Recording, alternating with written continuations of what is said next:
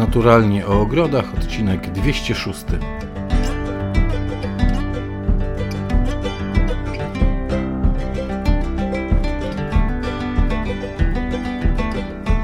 Naturalnie o ogrodach Katarzyna Bellingham, Jacek Naliwek. Dzień dobry Katarzyno, dzień dobry. Dzień dobry, dzień dobry w ten super szaro, słoneczny, nie wiadomo kiedy, co będzie dzień. To znaczy szary, nie wiadomo co będzie dzień. No bo cały czas się zmienia. Raz jest właśnie szaro, raz jest słonecznie. U ciebie jest słonecznie, bo widzę, że masz twarz złotą. A to wyłączę lampkę, już nie mam złotej twarzy.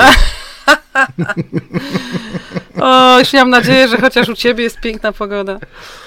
Nie no, ja nie narzekam w sumie, tylko że jest mokro i szczerze mówiąc, to ciężko jest w ogóle coś w ogrodzie zrobić. Jesteśmy troszkę do tyłu z pracami przez to, że jest cały czas deszcz. No tak, no tak, ale mm, dzisiaj, kochani, mówić będziemy i to na e, prośbę naszych słuchaczy o, o roślinach zadarniających. Tak, to temat, który nie zadarniliśmy jeszcze. To jest pole nieuprawione przez nas, e, zupełnie leżące e, odłogiem. Ale dobrze, porozmawiajmy o roślinach zadarniających. Tylko jak. Ale tak szerzej, prawda? Jak zacząłem się za, zastanawiać nad e, tematem roślin zadarniających, no to mm, najpierw popatrzyłem na swój ogród, potem przypomniałem sobie, co u ciebie y, rośnie na rabacie angielskiej, co rośnie na rabacie y, preriowej, co rośnie na rabacie leśnej.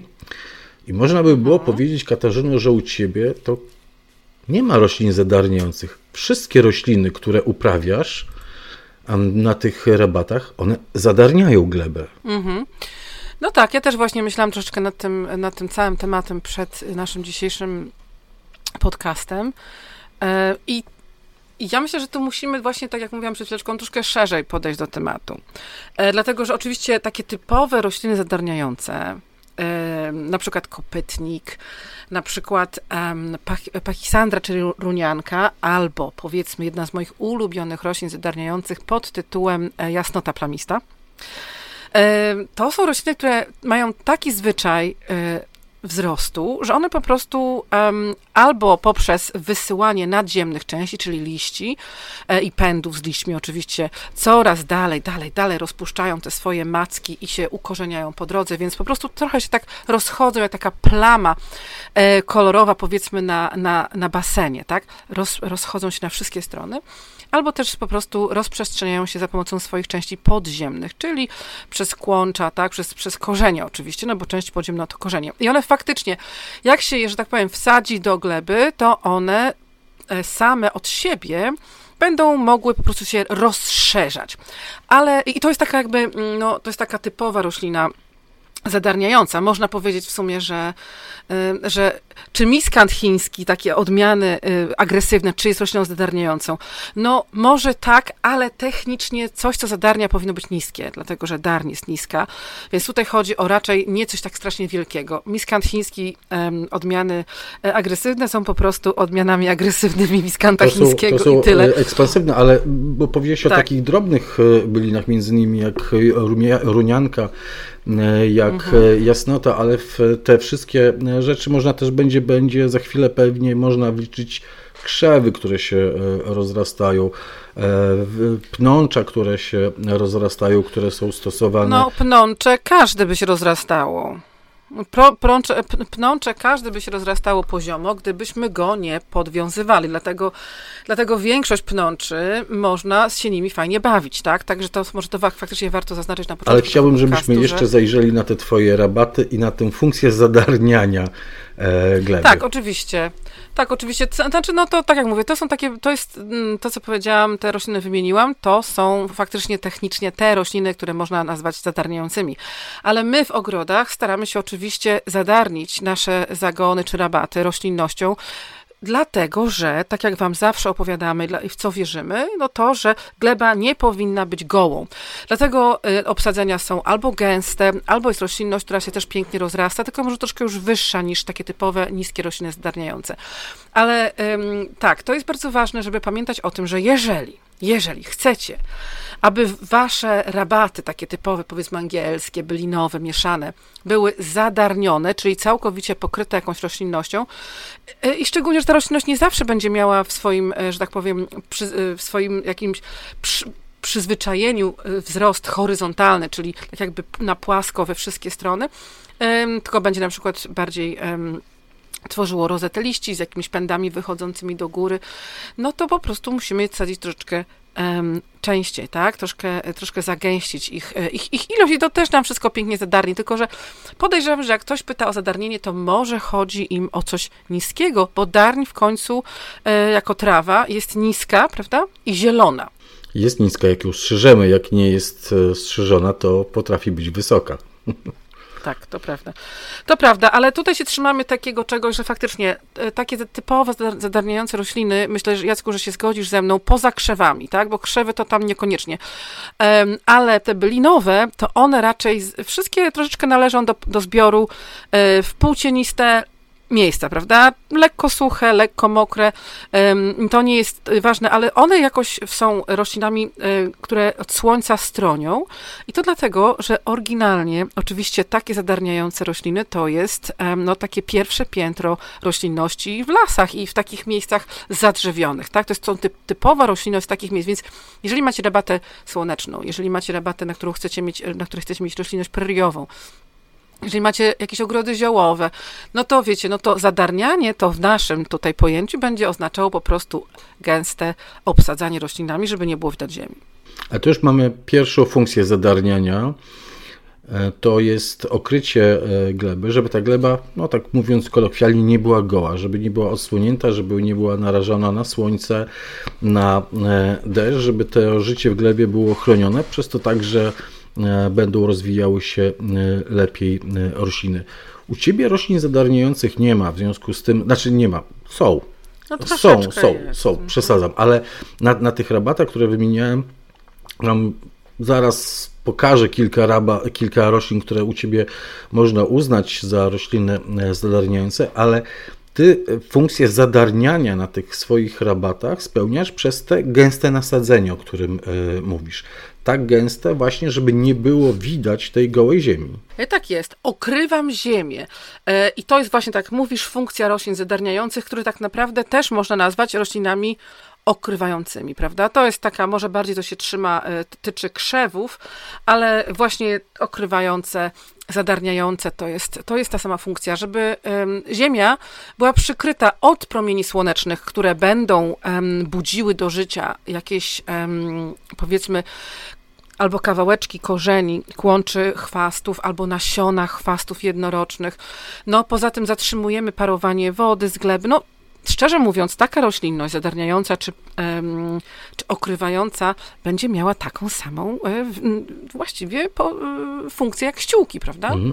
A w takim razie, zanim dojdziemy do tych roślin, gdzie stosować rośliny zadarniające? E, w jakich częściach ogrodu, w jakich kompozycjach, w jakim myśleniu o swoim ogrodzie.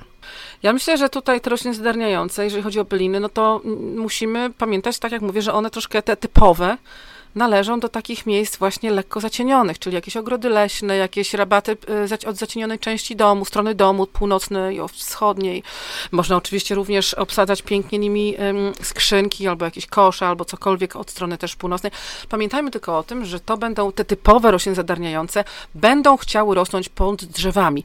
Niekoniecznie w jakimś super takim mocno ciemnym lesie czy jakiejś puszczy, ale właśnie może tak w takich, w takich sytuacjach parkowych, albo w takich sytuacjach, gdzie nie ma drzew tak strasznie dużo. Zawsze przypomina mi się, Jacku, no, y, ogród dookoła radia, w którym pracowaliśmy kiedyś i tam właśnie był typowy, i tam był typowy ogród, gdzie były rośliny zadarniające, ponieważ tam, tu i można by powiedzieć, że one jakby zastąpiły trawę, dlatego, że one są w, w, w pielęgnacji o wiele łatwiejsze, niż trawnik, niż koszenie trawy, szczególnie, że trawnik nie będzie dobrze rósł pod drzewami, prawda? Tak, tam, tym bardziej, że tam było po prostu bardzo dużo drzew i walka o utrzymanie trawnika byłaby po prostu bezsensowna, stąd e, zastosowanie e, roślin zadarniających, które zastępowały e, tę trawę, o której mówisz, tę darń i wtedy pełniły tę funkcję zadarniającą, czyli zastępującą e, e, darń.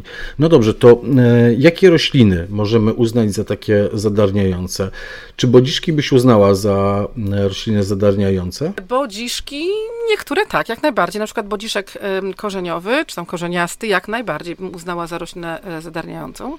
Dlatego, że właśnie rozmnaża się w ten sposób, jak mówiłam, on on po prostu jakby kolonizuje kolejne kawałeczki y, gleby. Tak, jego pędy się ukorzeniają po prostu po kawałku, po tak. kawałku i w ten sposób zajmują cały e, teren e, wokół.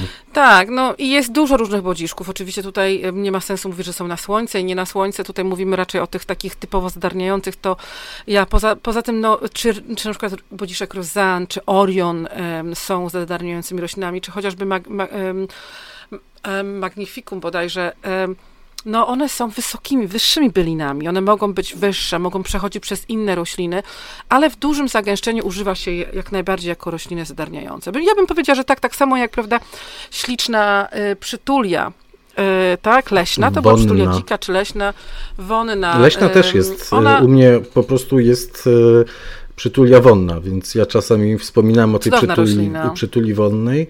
E, małe ziółko, pięknie na biało kwitnące, niewysokie i dobrze rozchodzące się.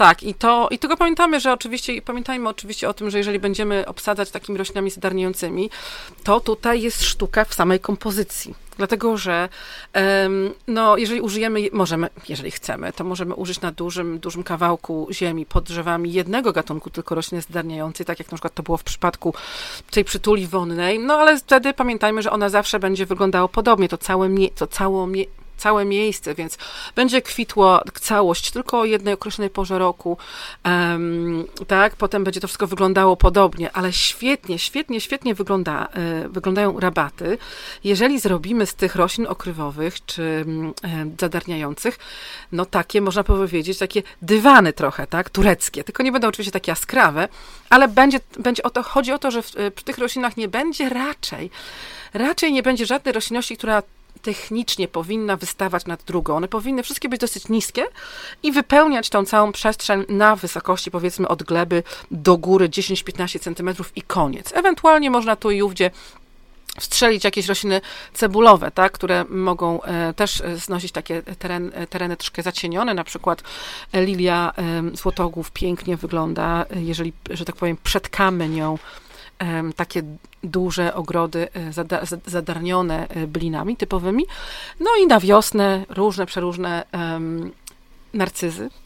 E, właśnie narcyzy bardzo dobrze pasują do tego i bardzo polecam Wam narcyz, na przykład talia, on jest wysoki, biały, pachnący, a te mniejsze też są fajne, ale one nie będą robiły takiego wrażenia właśnie wśród tej, tej, tej, tej darni, że tak powiem, bylinowej, jak te wyższe narcyzy też świetnie wyglądają pomiędzy nimi e, takie roślinki. No, zaliczają się też do roślin cebul, cebulowych, e, kwitnących wiosną i nazywają się psi ząb, erytronium. No tak pięknie, e, Borys przyszedł do mnie i mnie zaczepiał po prostu. To jest niesamowite, że kot zastąpił psa teraz przy nagrywaniu. To przejdźmy do omówienia takich kilku kilku, może, może kilkunastu, zobaczymy, e, ile starczy nam sił i pomysłów e, roślin zadarniających. Ja bym zaczął mimo wszystko od e, pnączy Katarzyno, dlatego że bardzo często widzimy bluszcz w lesie, który pięknie porasta całe połacie lasu, przynajmniej tutaj u mnie przy rzece. Pięknie się dobrze czuje, bo jest w cieniu, porasta też po drzewach, idzie po ziemi wilgotną ma, ciniście, więc e, nie przemarza. E, więc e, bluszcz, winobluszcz, ja niestety posadziłem winobluszcz jako roślinę zadarniającą i w tej chwili wycinam ją, bo za bardzo mi idzie ku górze, więc trzeba uważać to na takie zachowania roślin, które mają się płożyć zarastać, zadarniać, a jednocześnie będą włazić gdzieś na górę. Pnącza w zastosowaniu e, jako rośliny zadarniające. Co ty na ten temat sądzisz? E, tak, bardzo, fajna, e, bardzo fajny to jest pomysł i uważam, że zbyt mało się stosuje pnączy zadarnia, właśnie takiej roli zadarniającej. Tutaj poza tym, co powiedziałeś, bluszcz, winobluszcz, to oczywiście jeszcze może być um, wiciokrzew, jeszcze może być oczywiście um, powojnik.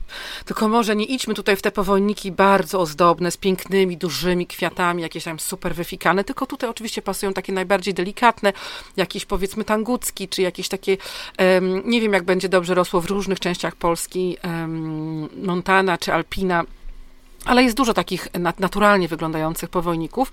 Świetnie będą wyglądały, tylko pamiętajcie, że dla nich zarezerwujcie troszeczkę bardziej naświetlone miejsca, ponieważ one nie będą tak rosły dobrze w takim cieniu i wilgoci jak na przykład um, bluszcz.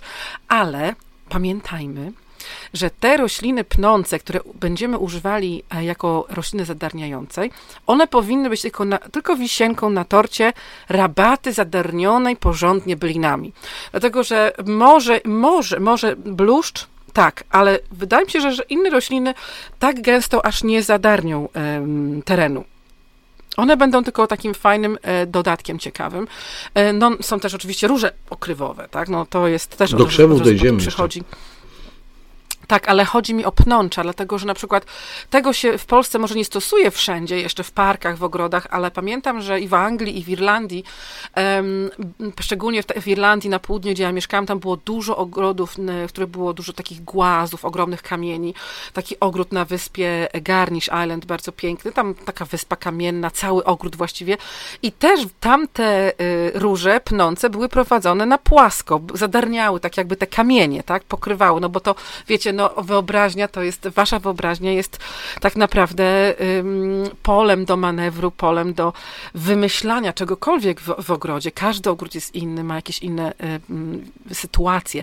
No i tutaj na tych ogromnych głazach były na płasko y, rośliny pnące, również róże rozciągnięte. Oczywiście one, róże pnące, jeżeli nie są przywiązywane, no to one te takie długie pędy, one po prostu będą no, chciały troszeczkę tak y, podnieść się do góry, będą bardziej wyglądały jak takie wędki, prawda, e, prze, przewiszające się. Dlatego i przywiązujemy do, je do, do ścian czy, czy do płotów, jeżeli e, prowadzimy je e, do góry, a jeżeli prowadzimy róże płasko, no to wtedy przywiązujemy je normalnie do gleby, tak, za pomocą jakichś tam um, śledzi, jak to się Szpilek. mówi po harcersku albo szpilek, albo skobelków, co tam, co tam mamy. Mhm.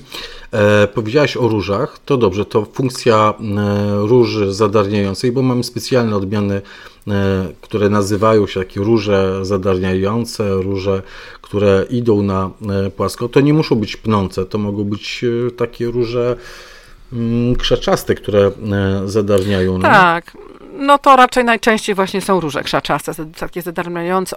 To się nazywają róże okrywowe po prostu, więc jeżeli potrzebujecie róży, która wam zadarni, no to musicie szukać um, róży okrywowej. Ale tutaj więcej słońca ona potrzebuje. To. Oj tak, tak. No, no pomyśl, pomyślmy o tym, jak, jakie są kwiaty zawsze, prawda?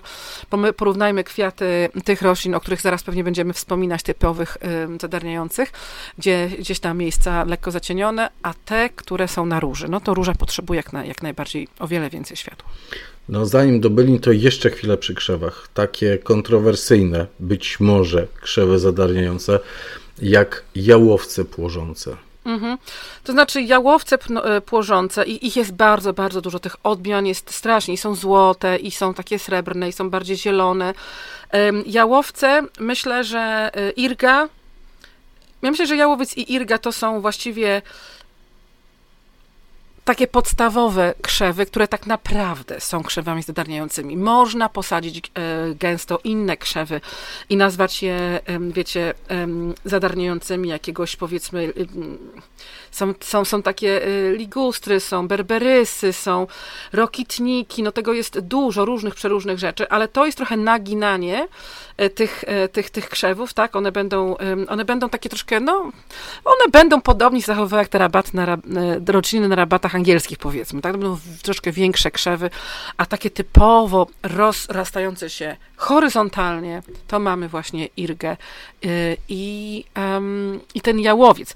No wiecie, taki problem jest z Irga jest taka, że irga potrafi nam przemarzać. E, irgi często są używane na na skarpach. I oczywiście one tam również umierają, ponieważ mają zbyt sucho, bo na skarpach jest bardzo sucho. Jeszcze w dodatku często są ściółkowane taką, ale nawet folią.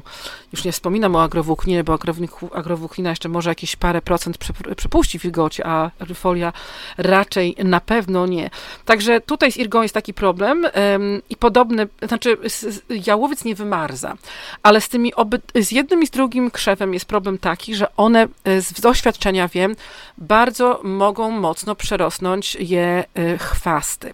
Dlatego, że jeżeli zakładamy nowe jakieś obsadzenia z tych roślin zadarniających, z tych właśnie jałowców i irg, dlatego, że właśnie to zazwyczaj się widzi na skarpach, to potem pomiędzy nimi no cokolwiek, jakąkolwiek, jakikolwiek uciążliwy chwast wieloletni nazwiecie, to ja to widziałam. I weźcie, potem wejdźcie pomiędzy te pędy jałowca, albo nawet irgi, bo one naprawdę są, te wszystkie inne y, krzewy, one troszkę jednak te pędy mają do góry, tylko są nasadzone blisko siebie, dlatego wyglądają jak zadarniające. A te irgi i te... Um, Jałowce?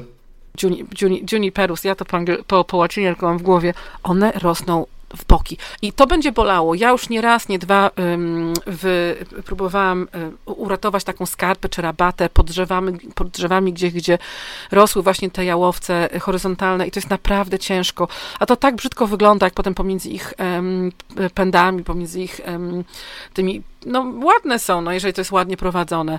Wyrastają, kurcze, właśnie takie źdźbła perzu, czy, czy, czy, czy, kwiaty, nagle nie stąd nie zewąd kwiaty podagrycznika. No, najgorszy chyba jest perz, dlatego, że on tak takie cieniutkie pędy wszędzie przechodzą. Ja po prostu jak zamknę oczy, to widzę tyle takich miejsc. To nie wygląda fajnie. To, to, to, są, to, to nie są rośliny, które ja bym polecała do, polecała do ogrodów. Może przy jakichś przy jakichś magazynach, może przy jakichś dużych fabrykach, może, może, może, to nie jest aż takie ważne, ale jeżeli macie mieć to przed swoim oknem, to e, ja bym sięgnęła po coś bardziej delikatnego, mm, co wcale niekoniecznie potrzebuje więcej, e, więcej pielęgnacji, bo jeżeli coś, bo jeżeli taki jałowiec nam się rozrasta na kilka metrów w bok, no to te chwasty aż się proszą, żeby, żeby pod spodem e, przerastać. No i wtedy się najczęściej kładzie właśnie te agrotkaniny, takie maty szkółkarskie, żeby e, chronić glebę przed chwastami, potem się wysypuje na to korę i bardzo często widzimy taką no, potem tak kompozycję. Jałowiec płożący, płożący kora, a potem w, tych, e, w tej korze się świetnie wysiewają chwasty. Bo to też mhm. jest dobre, dobre podłoże do wysiewu chwastów. Ja zawsze będę wspominał kilka lat temu posadzone biedne jałowce mm, tu w Kolbudach. Jak będziesz jechała przez mostek, rzuć okiem na brzeg rzeki. Rzeki, dzikiej rzeki, dzikiej Ojej. rzeki, górskiej rzeki. Została położona na zboczach tej rzeki Zamiast faszyny. Ma mata i zostały posadzone takie tej Jupitery, te jałowce takie płożące. Boże, jak to tragicznie wygląda, no ale cóż, ale cóż. Dobrze, dojdźmy do tych e, bylin, bo tam jest największy wybór e, roślin, które e, zadarniają. Powiedzieliśmy o runiance. Runianka chyba jest dosyć często polecana jako roślina, którą można stosować do zadarniania i to dużych powierzchni. Runianka zazwyczaj jest zielona, ale widziałem też E, odma- no, od, odmianę taką variegata e, z białymi paskami, taki, z takimi białymi, nazwijmy to, plamkami na e, liściach. Pakisandry, czyli runianki, mają również kwiatuszki malutkie. Tak, One są no, delikatnie takie białe, może niezbytnio ich nie widać, ale jak całe takie połacie pakisandry czyli runianki, wybaczcie, ale ja zazwyczaj operuję łaci, łacińskimi nazwami, to fajnie to wygląda. Ale m, tylko na początku chciałam zaznaczyć, jeżeli mówimy o tych bylinach, które są, zadarnia, które są okrywowymi, zadarniającymi roślinami, pamiętajcie o tym, że one też muszą mieć dobre warunki wzrostu, tak? Y, to nie można ich tak po prostu gdzieś tam posadzić w jakimś, w jakimś zacienionym pod okapem z, od północnej strony domu, miejscem w jakimś piachu, pobudowlanej ziemi, bo ja widziałam nie jedną, nie dwie runianki, które rosły bardzo, bardzo kiepsko. I to dlatego, że wyobraźcie sobie, jaką one ziemię potrzebują. Pod drzewami, okay, faktycznie może być czasami piach, ale w tym piachu w sumie będzie w końcu, tak, czy, czy, czy, czy, czy w jakimś momencie będzie jakieś, jakaś materia organiczna, bo te liście spadają z tych drzew, kawałki kory spadają, to wszystko się prze, prze, przerabia i jednak one lubią taką chociażby przepuszczalną, one się świetnie nadają na suche miejsca, ale jednak organiczną glebę, żeby tam było jakieś zawartość próchnicy. Także to y, trzeba pamiętać o tym. Również przez pierwszy rok, przez pierwsze dwa lata, ja no, zazwyczaj nakłaniam, żeby te dwa lata mieć naprawdę oko na te wszystkie obsadzenia, no warto je dodatkowo podlewać, żeby one po prostu porządnie się wrosły w tą ziemię. To jest, na początku jest tylko taka pomoc. Jak one już będą miały dobrze rozwinięty system e, korzeniowy, to one sobie już poradzą nawet w bardzo suchych miejscach, nawet podczas suchych miesięcy latem. To nie jest, wiecie, to jak one będą mogły rosnąć kilka lat po posadzeniu, a to co one robią zaraz po posadzeniu, to są dwie zupełnie inne rośliny, tak? To są, e, to są no, takie mm, posadzone rośliny z doniczki, czy, czy, czy, czy, czy, czy nawet przekopane z innego, z innego kawałka ogrodu, no to one muszą naprawdę się zaaklimatyzować. Te korzenie muszą się rozrosnąć i wtedy to już nic nie będzie im straszne. No i można, y, tak, i można wybierać pośród wielu, wielu różnych pięknych y, roślin zadarniających. I tak jak mówisz, Jacku, na przykład runianka ma liście o różnych barwach, tak? Ma i takie, i takie. Ma białe, powiedzmy, ma zielone. W moim niestety doświadczeniu wszystkie i również na przykład brunera, to jest typowa roślina, która ma i, i, i takie kolorowe, też tych bruner jest bardzo dużo. Teraz jest nowa odmiana Alexander the Great, która ma ogromne liście, ale jednak w naszych warunkach klimatycznych te, o tych liściach zielonych najlepiej rosną, nie te variegata. Ale e, biorąc pod uwagę, że dużo tych roślin ma bardzo różne liście, Niektóre właśnie mają takie liście podobne do runianki, czyli takie bardziej okrągłe, czy sercowate, duże, e, błyszczące, takie skórzaste jak, e, jak bergenia. E, mniejsze skórzaste, takie okrągłe, sercowe liście ma kopytnik. Potem mamy oczywiście um, to, o czym przed chwileczką mówiłam, brunerki, tak, też mają piękne liście. Także zobaczcie, to, do takich liści i jeszcze w różnych kolorach, bo one też występują w różnych y, odmianach, variegata, y, złota i srebrna też, to do tego można dodawać liść, um, rośliny zadarniające, które mają zupełnie inny pokrój liści. Także możemy się bawić w różne kolory liści. Nie mówimy o kwiatach, tak? Liści, dlatego że cały czas mówimy o roślinach, które nie mają zbyt kolorowych kwiatów, bo idą w miejsca lekko albo mocniej zacienione. Także mają um, różnego rodzaju liście, e, właśnie albo takie bardziej okrągłe, sercowate, albo mogą mieć strzeliste. I no, do takich kompozycji przepięknie wyglądają um, paprotki dodane, chociaż one same w sobie może nie są rośliną zadarniającą, ale bardzo, bardzo pasują do takich miejsc. I paprotki też są różne, o różnych liściach oczywiście, różnych kolorach liści, różnej wielkości, różnym, różnym pokroju, albo na przykład trawy ozdobne. Są e, trawy ozdobne, które też będą znosiły lekkie zacienienie. Na pewno Hokenachloa machra jest jedną z takich, z takich um, podstawowych traw, które będą znosiły lekkie zacienienie i tam też jest albo aurea, ta złota, albo jest normalna, bez, bez żadnej kolejnej nazwy, tak? E, również kareks, czyli um, jaki jest kareks po polsku? Um, Turzyca. Turzyca. Również są tużyce. Tych tużyc jest bardzo, bardzo dużo różnych, przeróżnych. Niektóre tużyce nadają się na, na miejsca podmokłe, niektóre na miejsca słoneczne, a są też tużyce w, w ogóle zimozielone i które nadają się świetnie na miejsca zacienione. Ja mam u siebie w ogrodzie tym takim leśnym, na tym, na to mówię leśne patio, bardzo ładną taką tużycę, która ma um, takie białe albo kremowe paseczki wzdłuż e, swoich pędów, wzdłuż liści i ona naprawdę pięknie wygląda e, w tym ogrodzie i nawet z jakiegoś powodu nie jedzą jej sarny, bo na, mój ogród jest, że tak powiem, wystawiony na ataki zwierząt dzikich tam na dole przy, przy tunelu, tam nie mamy, nie mamy siatki, ale bardzo ładne. Także i jeszcze jedna roślinka, jeżeli chodzi o mm, mo, znaczy, można jeszcze podciągnąć czwartą. Także dobra, najpierw mamy, na, na, na razie mamy dwie zimozielone, chociaż Hokenachloa to tak naprawdę nie jest zimozielona, ona na jesień się pięknie przebarwia, czyli mamy zimozielone tużyce, mamy hokenachloły różne i mamy również um, kosmatka kosmatka śnieżna, o, kosmatka śnieżna, no, um, Luzula nivea naprawdę bardzo fajna e, trawa, bardzo taka skromna, ale ma ładne kwiatki, też skromne, ale wiecie, jak się trochę tych egzemplarzy posadzi, no to to ładnie wygląda. I również można spróbować, pod, spróbować podciągnąć na miejsca wilgotne, nie suche, wilgotne, posadzić oczywiście śmiałka darniowego, ponieważ on też teoretycznie za, y, będzie rósł w miejscach lekko zacienionych. To co, to jakieś inne jeszcze rośliny zadarniające? Tak, tak, tak, tak, tak, tak. Są jeszcze inne rośliny zadarniające.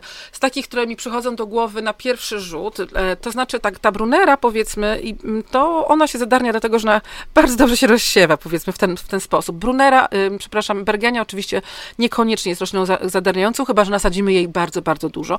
Pakisandra, czyli runianka faktycznie się świetnie rozrasta. Mamy tą, e, bardzo polecam tą przytulię wonną.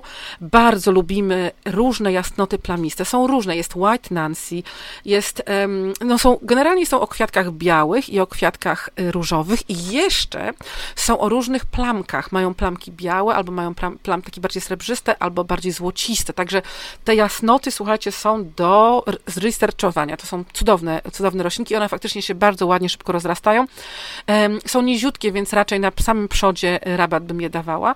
Bardzo ładnie się z tym wszystkim oczywiście komponują no takie dwie, dwa dodatki do każdego ogrodu, w którym są rośliny zdarniające lekko cienistego, to według mnie jest na pewno bodziszek e, rozan albo orion. E, one są troszeczkę podobne. No, ale, ale rozan powiedzmy. E, I um, i hosty, czyli funkie, szczególnie te o takich właśnie troszeczkę przebarwionych liściach, albo o tych takich stalowych liściach. No widzicie, nawet jak rozmawiam o tych rabatach, o tych, o tych kwiatach, to już po prostu już moja wyobraźnia gdzieś tam biegnie, biegnie na te, na te piękne miejsca, chociaż, no tak jak mówię, mam małe te rabaty, ale tak ładnie wyglądają e, zadarnione. E, jeszcze jedna z, z, fajnych roślin, może na takie miejsca troszkę bardziej gdzieś do tyłu, e, bo ona może nie jest aż tak ozdobna, ale świetnie jest, spełnia funkcję roślin zadarniających, to oczywiście jest gajowiec leśny. Tak. To jeśli rozesłaną też bym e, wrzucił do tego zbioru. No ale ona troszkę trzeba uważać, bo ona się może rozesłać i was, do waszego posłania przyjść w pewnym momencie, bo ona się rozrasta mocno. Ale y, w niektórych ogrodach y, można posadzić i będą dobrze rosły epimedium, czyli um, ojej, jak jest epimedium, bo tak po polsku jest epimedium. To są śliczne roślinki o bardzo delikatnych listkach, one się na jesień bardzo ładnie przebarwiają, one bardzo się rozrastają, ale tak delikatnie, bo one same w sobie są delikatne. I niektóre mają żółte kwiatuszki, niektóre mają różowe kwiatuszki. Bardzo, bardzo lubię te rośliny. różnego rodzaju serduszki, ale może ta diacentra niekoniecznie spektabile, czyli nie ta serduszka większa, wyniosła, czy jak ona się nazywa, tylko serduszka okazała. taka... Y, for, Wydaje mi się, że mówi się okazała. Tak, tylko te, te mniejsze serduszki Formosana chyba się nazywają po łacinie, bo one rzadko się można, może, może nie tak często można je kupić jak te okazałe, dlatego że tych jest wszędzie pełno, ale właśnie ta serduszka delikatniejsza jest bardzo, bardzo fajna. No pomiędzy tym wszystkim możecie tu i ówdzie posadzić na przykład um, kosaćce syberyjskie, dlatego że świetnie też w takich warunkach znoszą, e, znoszą wzrost. No i e, no, nie możemy, nie możemy nie powiedzieć o miodunce. Pulmonaria, różne są miodunki. Są miodunki o liściach, powiedzmy, prawie że nakrapianych, są o liściach, które mają bardziej w paski e, te swoje kolory, że tak powiem. E, no, są, które mają całe srebrne listki.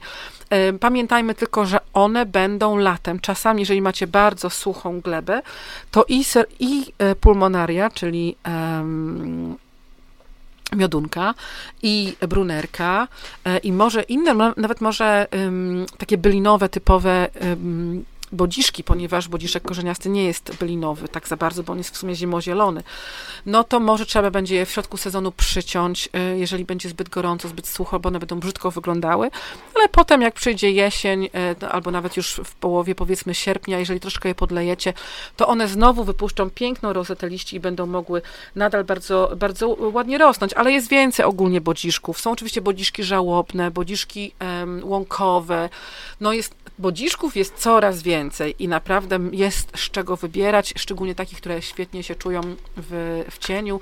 Ja uwielbiam bodziszek żałobny Sambor, uwielbiam bodziszek żałobny um, Raven chyba się nazywa, e, Oczywiście również e, ciemierniki. Ciemiernik, ale to cie, u nas w Polsce to ja najbardziej polecam ciemiernik wschodni. No i kolejna e, taka roślina, która jest na pograniczu trochę strachu, trochę niestrachu, no to jest oczywiście łódka wiosenna. Łódka wiosenna jest przepiękna. Jak ona kwitnie, to pokrywa całe zbocze w moim ogrodzie leśnym takimi malutkimi, błękitnymi kwiatkami, które są podobne do niezapominajki, ale może troszeczkę mocno porosnąć, chociaż niektórym właśnie takie zadarnienie, to jest typowa roślina zadarniająca, jest potrzebne. Może niepotrzebne jest wszystkim takie mocne zadarnienie, jak na przykład, e, które można uzyskać za, za pomocą obsadzania um, rabat kon, kon, e, konwalią, tak? Konwalia dosyć mocno się rozrasta, ale też jest piękną rośliną. Także, no to jak zawsze na wszystkich rabatach jest taki troszeczkę taniec, tak, pomiędzy ogrodnikiem a rośliną. Musimy mieć oko, jak co się rozrasta i jak co będzie, będzie wy, y, że tak powiem, wyeliminował inne rośliny, tak? Jeżeli chcecie mieć bioróżnorodność, to musicie czasami niektóre rośliny powstrzymywać. Kasiu, a mi się zawsze kojarzy z taką rośliną zadarniającą barwinek, szczególnie wiosną, kiedy nadchodzi tak, tak. Wielkanoc, tak. Kiedy, kiedy zdobimy te swoje koszyczki z tym jedzeniem, z tą święconką, to e, ten mhm. bukszpanik e, e, dołączamy, gałązki bukszpaniku i barwinek. Barwinek, który no już w tej chwili już nie tylko na niebiesko kwitnie, bo już są odmiany o różnych kolorach, ale właśnie takim jest zadarniającym półpnączem można by było powiedzieć, bo to jest taka bylina, która wypuszcza te długie swoje e, pędy, przepięknie e, kwitnie, więc e, barwinek na pewno także można zaliczyć, tym bardziej, że on i cień i półcień dobrze znosi, ale chciałbym się zapytać, bo tak zainspirowałaś mnie, bardzo mnie zainspirowałaś, mówiąc o tych nazwijmy to kontrowersyjnych roślinach, że, że, że takie na pograniczu przerastania, zarastania. E, a co ty mm, na podagrycznik jako roślinę zadarniającą? Jeżeli chcemy mieć podagrycznik jako roślinę zadarniającą, to oczywiście musimy się tylko niestety pogodzić z tym, że on będzie raczej agresywny w, w stosunku do innych roślin, więc możliwe, że będziecie mieli tylko podagrycznik. Moja mama, moja mama kiedyś dawno temu, przywiozła sobie z Irlandii, jeszcze jak mieszkałam w Irlandii, też to było bardzo dawno temu, y, ten podagrycznik taki variegata. I on jest bardzo ładny, on jest bardzo ładny, ale ja go miałam u siebie w ogrodzie w Creek Gardens, tam gdzie mieszkałam, w doniczkach. On, to jest świetna roślina doniczkowa, ten, ten podagrysznik variegata, bo te liście naprawdę są ozdobne e, i można tę tą doniczkę wszędzie włożyć, że tak powiem, wstawić jako taką uzupełnienie do innych kompozycji w donicach. No i oczywiście on będzie rósł w tej donicy, cokolwiek się będzie działo, działo rok po roku on będzie wracał. No ale moja mama wysadziła to do, do, u siebie do ogrodu we Wrzeszczu e, pod oknem, no i ten, ten podagrysznik nie dość, że naprawdę wszystko zarósł, to jeszcze w dodatku się od, odwariegatował i zrobił się już całkiem normalny znowu, tak? Także jest zielony.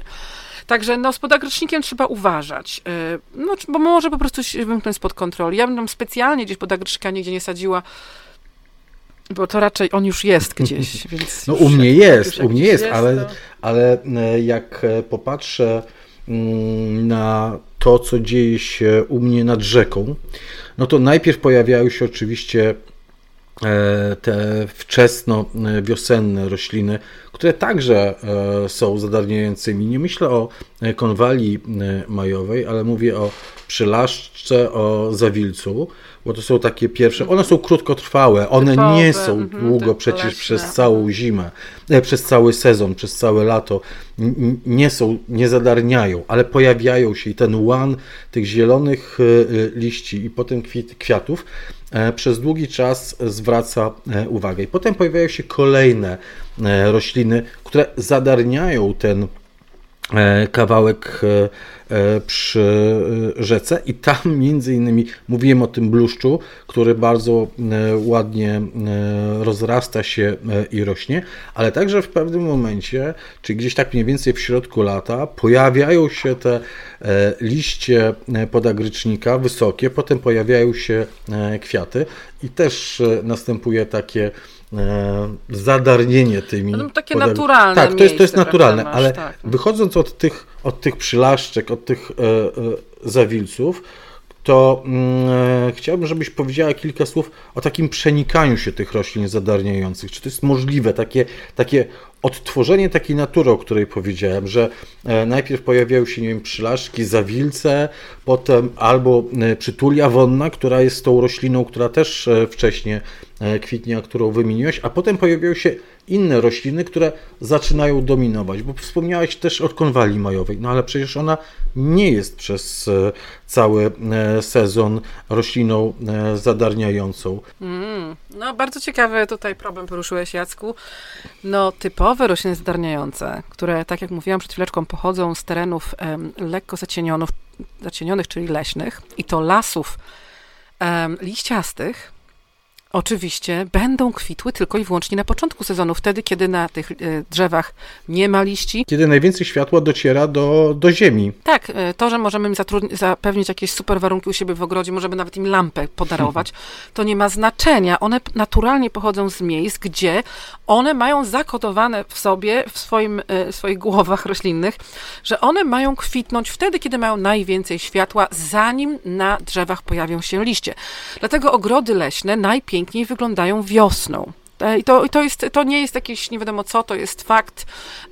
Gdziekolwiek pojedziecie do jakiegokolwiek e, kraju naszego europejskiego, gdzie mamy takie podobne, albo, albo w Ameryce, gdzie macie podobne sezony, tak, to um, wiosną um, będzie w tych, tych ogrodach o wiele bardziej kolorowo.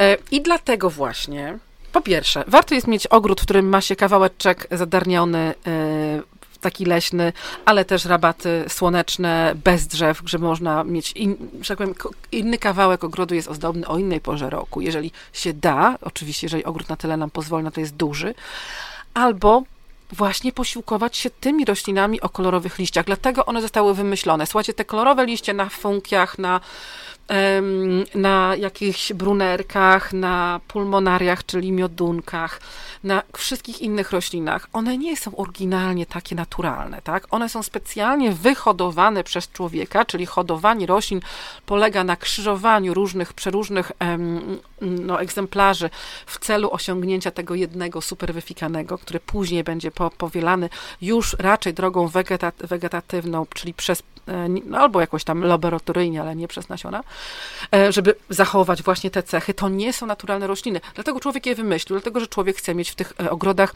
zadarnionych, leśnych ładniej, nawet zimą nawet zimą, nawet latem, tak? Nawet latem. Zimą to wszyscy śpią im wszędzie jest śnieg, na szczęście.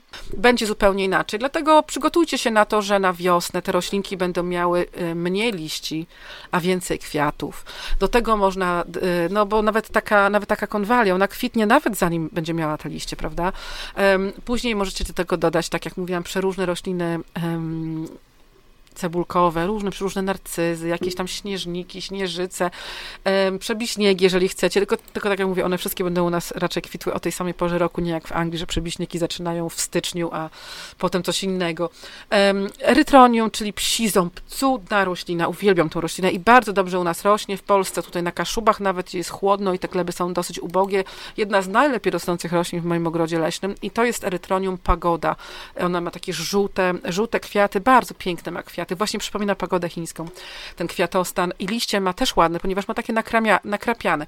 Nazywa się psi ząb, ponieważ e, korzeń wygląda jak psi ząb, czyli ząb psa. Dobrze, Katarzyno, jeszcze, jeszcze jedno pytanie, jeszcze jedno e, zagadnienie. Już teraz nie rośliny, a o warunki e, uprawy, a w zasadzie o glebę chciałbym Ciebie zapytać.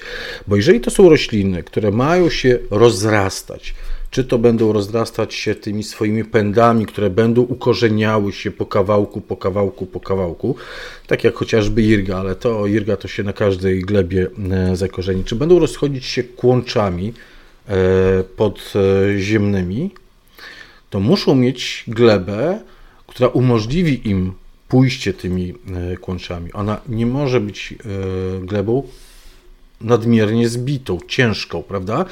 Te, większość tych roślin, o których mhm. mówimy, to jest jednak mhm. nie na nie wiem jak to powiedzieć, na glinę, nie na ciężką e, glebę, ale jednak na glebę, która jest glebą przepuszczalną, która pozwoli się rozchodzić tym roślinom. No tak, no znowu pomyślmy o tym, gdzie oryginalnie te rośliny by rosły, tak? Akurat mówiliśmy tutaj bardzo dużo o roślinności takiego niskiego piętra y, w lasach, takich powiedzmy prześwietlonych, polanach. E, i tam no to będzie gleba przepuszczalna, nawet gdyby kiedyś dawno, dawno temu tam była jakaś glina, no to jeżeli tam są drzewa, jeżeli cały czas tworzy się próchnica z liści opadających i tak dalej, i tak dalej, no to tam już jest fajna, e, przepuszczalna, pulchna gleba, jak najbardziej. A jeżeli mówimy o roślinach zadarniających, bo nie mówiliśmy o nich zbytnio, ale oczywiście są też rośliny zadarniające na skalniaki, tak, jakieś takie maluszki typu saksifragi, jakieś rojniki, tak, jakieś, um, jakieś um, dian, diantus to goździk po polsku, tak, różne goździki e, takie malutkie, no to one znowu też będą potrzebowały gleby kamienistej i piaszczystej, ponieważ one też w takich warunkach oryginalnie rosną. Tak, ale w ogóle na, na, na, na, na, glebach ym, takich bardziej zbitych i, i na glebach bardziej ym, gliniastych, gliniaste są dobrymi glebami. Tam będzie dopiero lepiej, jeżeli troszeczkę poprawimy tam y, też warunki, prawda? No taka glina, bo bardzo często, słuchajcie, no bardzo często ludzie, y, no, no nie zdajemy sobie sprawy i na przykład mamy budowę, po budowie chcemy założyć dookoła domu ogród, a no niekoniecznie widzieliśmy na początku, jak y, tworzono plac budowy. Bardzo często, przynajmniej tutaj na północy u nas, plac budowy, że tak powiem, wycina się koparką na przykład w zboczu albo w jakiejś dużej skarpie. No i później, no to ta gleba, która jest wykopana, no to ona jest, ja już nawet nie na poziomach, jak ja to mówię, dinozaurów, tylko już na poziomach, nie wiem czego, Big Bangu, co jest nonsensem oczywiście, ale bardzo, bardzo takie martwe, zbite, gliniaste pokłady ziemi, i potem próbujemy wychodzić. Ja widzę nie jedną osobę, znam taką, która wychodziła z kilofem, żeby zrobić dziurę, żeby wsadzić jakąś roślinę. Słuchajcie, to tak nie działa. Musimy naprawdę troszkę polepszyć to, e, to podłoże, dlatego że bardzo często są to podłoża po prostu martwe. Co też można wykorzystać, tak jak ja zawsze opowiadam podczas spaceru po moim ogrodzie tutaj, ja wykorzystałam to, że w moim ogrodzie ziołowym było podłoże martwe z, właśnie z, z jakiegoś takiego pokładu um, jurajskiego i tam y, tylko punktowo polepszyłam miejsca na posadzenie tych ziół, które potrzebują bardzo ubogiej gleby, więc nic tam super nie potrzebowały. A pomiędzy tam, gdzie były ścieżki, no to nic tam oczywiście nie sypałam, nic nie robiłam, dlatego że nie ma sensu polepszać ziemi nigdy na całej działce, jeżeli robimy ogród tylko, tylko tam, gdzie będą rośliny. I w tych miejscach nie, ros, nie rosły chwasty y, wieloletnie u, u, u, u, u, u uciążliwe, chciałam coś innego powiedzieć, ale uciążliwe, dlatego że po prostu ich tam oryginalnie nie było. No poza, poza skrzypem. Skrzyp jest wszędzie, wszędobywalski jest, był i będzie. No już prawie, że można napisać w sumie już taki wiersz o skrzypie. Także tu tak się nie martwimy, bo nie ma sensu walczyć z wiatrakami. Ale E, w ten sposób można wykorzystać właśnie taką martwą glebę, żeby po prostu wysypać tam e, bardzo cienką warstwę żwiru, otoczaka i zrobić sobie tam ścieżki przejścia. Te rośliny zadarniające nie wymagają jakiegoś przycinania, zgrabiania e, na jesień, prawda? Zostawiamy je w spokoju. Tak, tak. Większość z nich jest zimozielona też. Barwinek jest zimozielony, pakisandra, czyli runianka jest zimozielona. Dużo, dużo jest zimozielonych, a całą resztę, jeżeli wam jeszcze będzie coś się nie podobało, możecie przecież na wiosnę. Nie ma sensu przycinać teraz o tej porze roku. Ja wiem, że to tak się chce troszeczkę posprzątać w tym ogrodzie, bo tak trochę wygląda, wiecie, no taki troszkę się zrobił bałagan, nie mamy kontroli, tutaj coś zgniło, tutaj coś upadło, tutaj coś się, od, że tak powiem, obnażyło, tak jakiś kawałek gleby. Ale no to słuchajcie, tak samo jak i to, co się dzieje na zewnątrz, natura sobie teraz daje na luz tak samo i my sobie teraz dajmy na luz. Nie wyłaźmy do tego ogrodu tak często, ponieważ jest mokra gleba, nie chodźmy po tym. Jak coś się tam ten, to coś się tam ten, nie ma co się przejmować. Lepiej, słuchajcie, czytajcie, oglądajcie, słuchajcie i odpoczywajcie, bo to jest teraz pora roku, kiedy trzeba również zająć się sobą. No, jeszcze troszeczkę i jeszcze momencik, jeszcze chwileczkę, bo jeszcze trochę czasu w ogrodzie do zrobienia jest, tak od 1 grudnia może odpuśćmy Katarzyno. Nie mów, że już sobie odpuściłem, i że już nic nie robisz nie, w ogrodzie, jeszcze ja masz sobie, pełno, ja sobie nie pełno e, roboty. Nie, jasne, że tak. Ja sobie nie odpuściłam, tylko wiesz, jak tak chodziłam, dzisiaj chodzę z tymi moimi psami po ogrodzie, tam parę razy dziennie chodzimy tu i tam, sprawdzamy, co się dzieje, no to jak przechodzę koło tych rabat właśnie leśnych, koło te, tej rabaty przy patio leśnym i tak widzę te właśnie hosty, to wszystko oczywiście z dnia na dzień, tak jak mówiłeś ostatnio podczas live'a, te, te, te liście tych host coraz bardziej się rozpuszczają, prawie, że ich nie ma. Chciałoby się to wszystko robić, ale tak naprawdę to jest to jest po prostu jak w, nasze, w naszej głowie, tak? To nie jest przymus. Są rzeczy, które trzeba zrobić, bo potem będzie za późno. I tymi rzeczami na pewno jest posadzenie roślin do końca roślin cebulowych. I ja jeszcze też tego nie zrobiłam. Mam nadzieję, że do końca tego tygodnia to zrobię, ale słuchajcie, u nas no, po prostu cały czas pada. Tak, e, zostawiamy te e, rośliny zadarniające, bo tam też chowają się owady. Tam też chowają się żyjątka, które w ten sposób e, zimują. A czy e, rośliny zadarniające trzeba nawozić, rozrzucić obornik granulowany wiosną?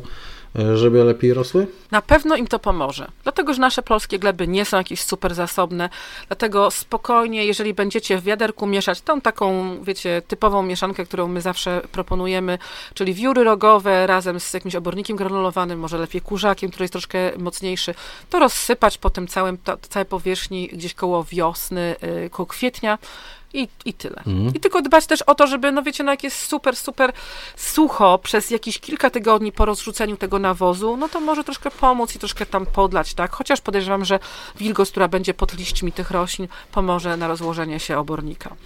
Kończymy powoli nasz e, podcast. Powoli, dlatego że chciałbym się odnieść do tego, że wypoczywamy, czyli szykujemy się e, na święta. Ja bym chciał zachęcić teraz Kasię, żebyś Kasiu weszła na stronę kasiabellinghamsklep.pl. Proszę cię bardzo, wejdź.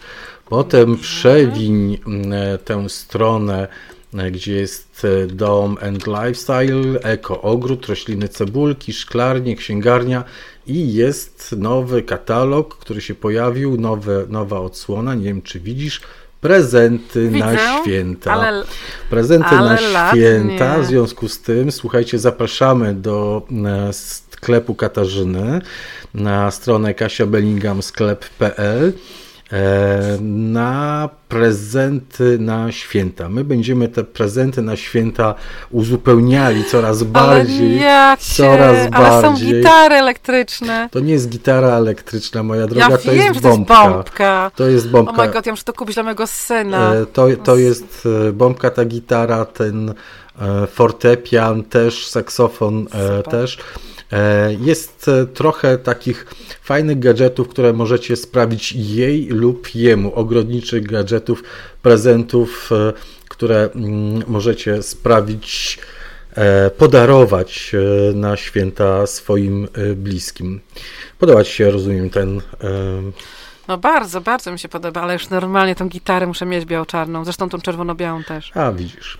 Dziękuję Ci bardzo serdecznie, Katarzyno. Wszystkiego dobrego Ci życzę. Jeszcze niespokojnych e, świąt, Dziękuję. ale myślimy już o świętach, więc, więc wybieraj, wybieraj tam te e, bombki e, do zawieszenia, wybieraj, wybierajcie, słuchajcie, konewki, wybierajcie grabki różnego rodzaju, łopatki, sekatory, które można kupić komuś bliskiemu. Ja pamiętam, jak kupiłem e, Iwonie, e, mojej żonie sekator e, Felko 6, taki dostosowany akurat do dłoni kobiecych, ależ było radości. Zresztą ja równie często stosuję, używam ten Felko 6 jak i Iwona, więc to był prezent dla niej, który ja też użytkuję tutaj. No, to jest najlepsze. Słuchajcie, to jest najlepsze. Ja od lat dostaję, zamawiam i daję prezenty związane z ogrodem, jakieś taczki, jakieś haczki i tak dalej. I, i tam w ogóle, no, oczywiście na, na sklepie, no, zachęcam wam, was również, również do mm, robienia takich droższych prezentów. Właśnie taczki są cudowne. Ja mam taką taczkę sama u siebie, tą taką dwukołową. Mhm. Jest, jest super one są trochę droższe, ale to już jest taki wyfikany prezent dla kogoś pod choinkę, ale uwierzcie mi, uwierzcie mi, że jak y, ktokolwiek ma jakieś wątpliwości, jeżeli chodzi o jakieś prezenty, to ogrodowe prezenty zawsze przynoszą radość. Oczywiście to nie będzie osoba dla osoby, która w ogóle nie interesuje się ogrodem albo ogrodu nie ma, no to jest logiczne. Ale jeżeli ktoś ma ogród, to zawsze jakiś taki porządnej, dobrej jakości sprzęt, który tak naprawdę zostaje na lata. Przecież tego się już nie wymienia, jeżeli to jest dobrej jakości jest zawsze mile widziany. E, ja również zapraszam na wianki, chociaż na sobotę właściwie nie mamy już miejsc, ale na niedzielę 26 e, listopada mamy jeszcze e, miejsca na warsztaty. Zapraszam serdecznie, będzie na pewno bardzo bardzo, bardzo fajnie. No to taka propos, to taka propos świąt e, wyszło właśnie. Już tutaj prezenty na święta, tutaj wianki e, na święta, więc... No, ja zaczynam już dzisiaj, dzisiaj taki pierwszy dzień, zaczęłam się tak nawet cieszyć trochę na święta. No, bo zobaczyłaś tak tę gitarę nieszczęsną. jako e, bombkę. Nie, ja jeszcze nie.